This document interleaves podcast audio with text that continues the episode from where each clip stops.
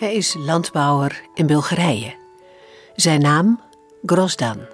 En over hem gaat dit waargebeurde verhaal, wat ook gepubliceerd is in het boek Ik ben met je van TWR Nederland.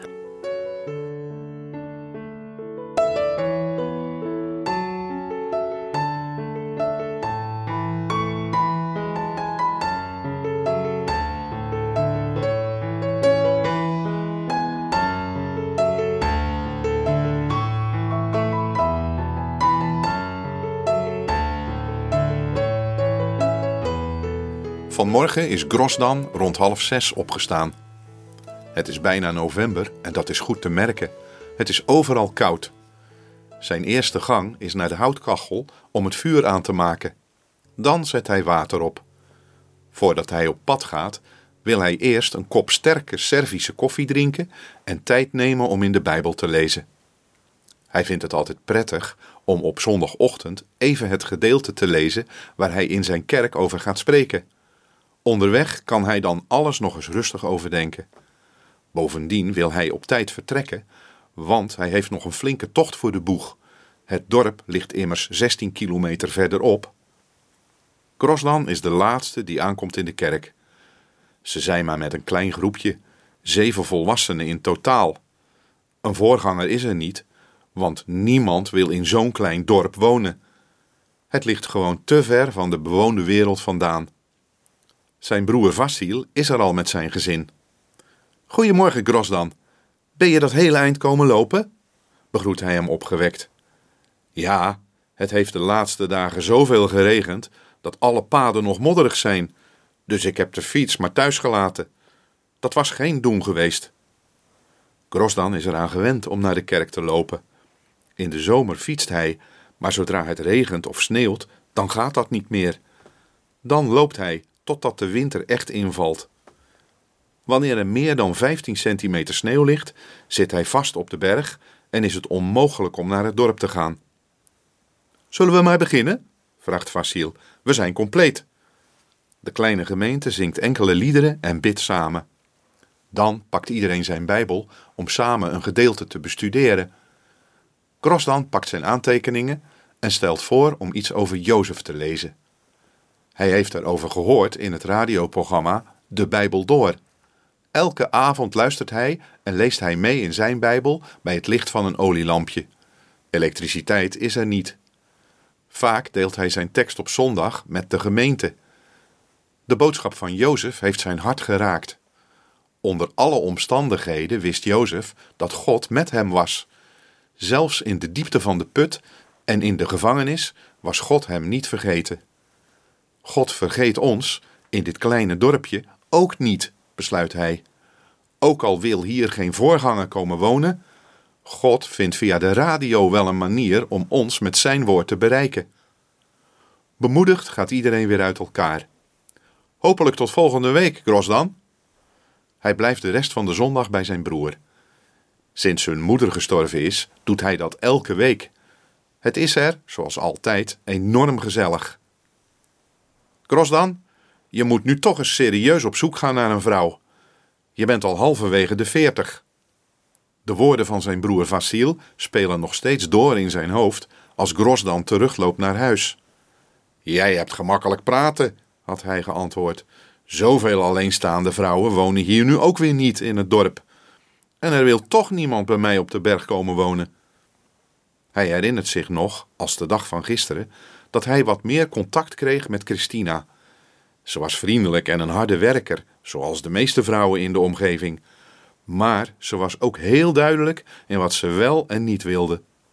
Ze wilde nooit zo ver bij het dorp vandaan gaan wonen als hij. En zo liep het op niets uit, nog voordat het echt begonnen was. Een beetje triest slaat Grosdan rechtsaf het laatste pad in naar zijn huis. Ineens staat hij stil. Dwars door de bomen valt het laatste zonlicht. Het najaarslicht is warm van kleur en laat de wereld er anders uitzien. Alsof de schepper hem eraan wil herinneren dat in zijn licht alles anders wordt. Ik dank u, Heer, voor uw nabijheid. U weet dat ik soms eenzaam ben, en toch geeft u elke dag opnieuw wat ik nodig heb.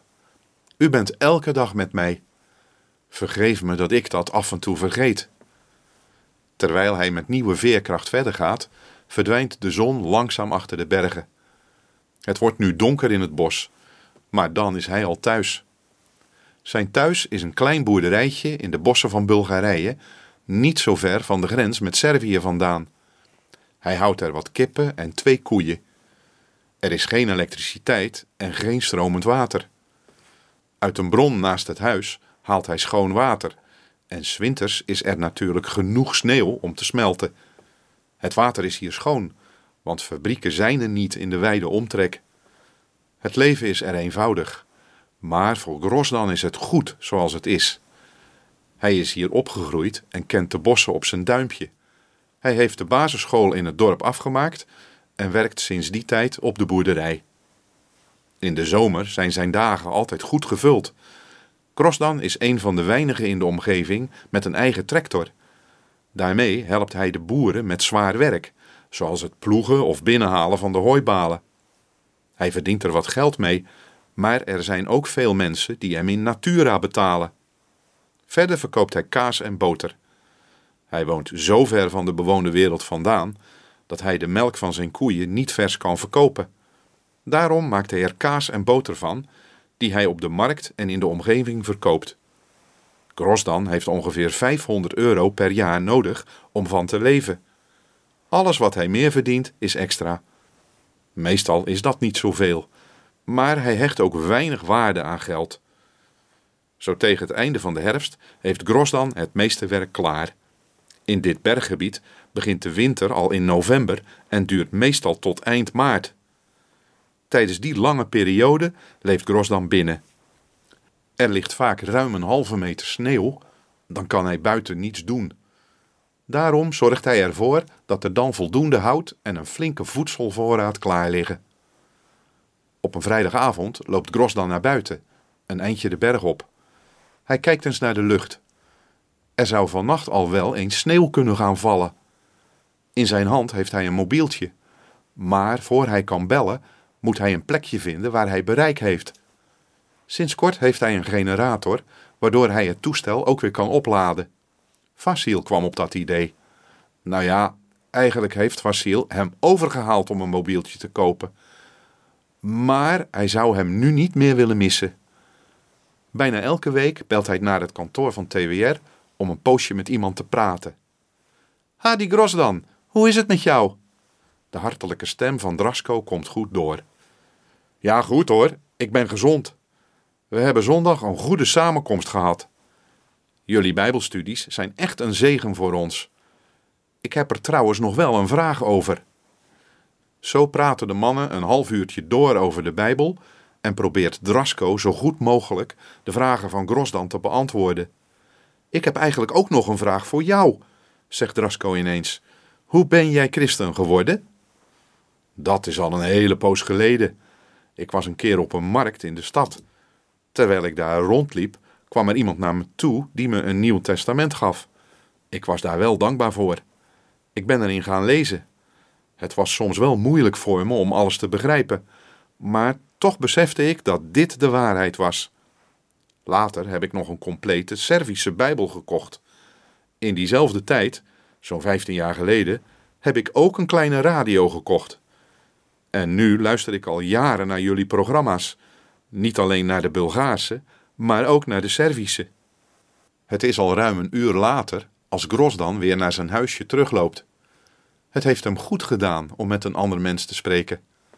Soms is het het enige gesprek in dagen dat hij heeft. Dat mist hij wel, hier boven op de berg. Iemand om mee te praten. Er komt maar zelden iemand bij hem op bezoek.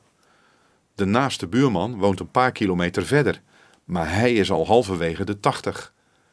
De meeste mensen in het dorp vinden het gewoon te ver om hem op te zoeken. Vooral sinds zijn moeder een paar jaar geleden is overleden, is het hier erg stil geworden. Maar toch niet zo stil dat hij in het dorp wil gaan wonen. En wie weet, misschien vindt hij op een dag toch nog wel eens een vrouw die hier bij hem wil komen wonen. Drasko had het er zelfs nog over. Kros dan, man. Er zijn vast wel vrouwen die graag met jou willen trouwen. Ik kan niet zo ver weggaan om een vrouw te zoeken, antwoordde hij. En niemand wil hier zo eenzaam wonen. Weet je dat hier zelfs nog wolven rondlopen? Ik heb een geweer klaarstaan, gewoon voor het geval dat. Heb je er wel eens een moeten schieten dan? Nou, nee, maar. Nou, dan zie ik het probleem niet. Jij bent er toch om een vrouw te beschermen? Ik kom nog wel eens in de Oekraïne. De vrouwen daar zijn gewend aan een stil leven en aan hard werken. Ik zal voor je uitzien naar iemand die bij jou past. Grosdan glimlacht als hij eraan terugdenkt. Dat zou wat zijn. Maar wie weet, voor God is immers niets onmogelijk. Die tekst hoorde hij enkele weken geleden en die is hem bijgebleven. Het is bijna kerst. Kilometers verwijderd van de Bulgaars-Servische grens wordt op het TWR-kantoor in Belgrado nog hard gewerkt om de laatste radioprogramma's voor de feestdagen klaar te maken. De sneeuw valt er met dikke vlokken uit de lucht. Ineens vliegt de deur van Drasko's kantoor open. Je raadt nooit wat er vanmorgen bij de post zat. Opgewonden komt de secretaresse binnenvallen. We hebben een geweldige gift gekregen. Zoveel geld hebben we nog nooit eerder van een luisteraar gehad. Laat eens kijken. Drasko steekt zijn hand uit naar het kaartje dat ze vasthoudt. Er staat maar een korte krabbel op. Immanuel, God is met ons. Prettige kerst, Grosdan. Drasko is er even stil van. Hij weet dat Grosdan eenvoudig leeft en niet zoveel nodig heeft. Maar 50 euro is een enorm bedrag voor mensen in deze arme regio. Daar kunnen we voor danken. Het is bemoedigend dat hij zo van harte wil bijdragen aan het werk van de Heer. Hij denkt nog even na, pakt dan de telefoon en belt de programmamaker. Met mij. Heb je nog ruimte in je kerstprogramma voor een lied? Op kerstavond zit Grosdan ingesneeuwd. Hij zet de radio aan. Dat is zijn lichtpunt in deze eenzame winter. Halverwege veert hij overeind. Speciaal voor de luisteraar, die vanavond alleen zit, laten we het lied Immanuel horen. God is met ons en met jou. Met die boodschap kwam Jezus Christus in de wereld. En met diezelfde belofte nam hij afscheid. Zie, ik ben met je, alle dagen tot aan de volleinding van de wereld.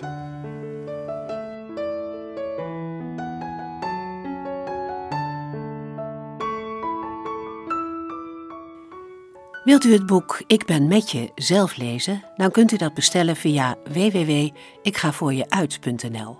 Ik herhaal www.ikgavoorjeuit.nl. Als u dan uw naam en adresgegevens vermeldt, dan sturen wij u het boekje toe en betaalt u alleen de portokosten van 2 euro.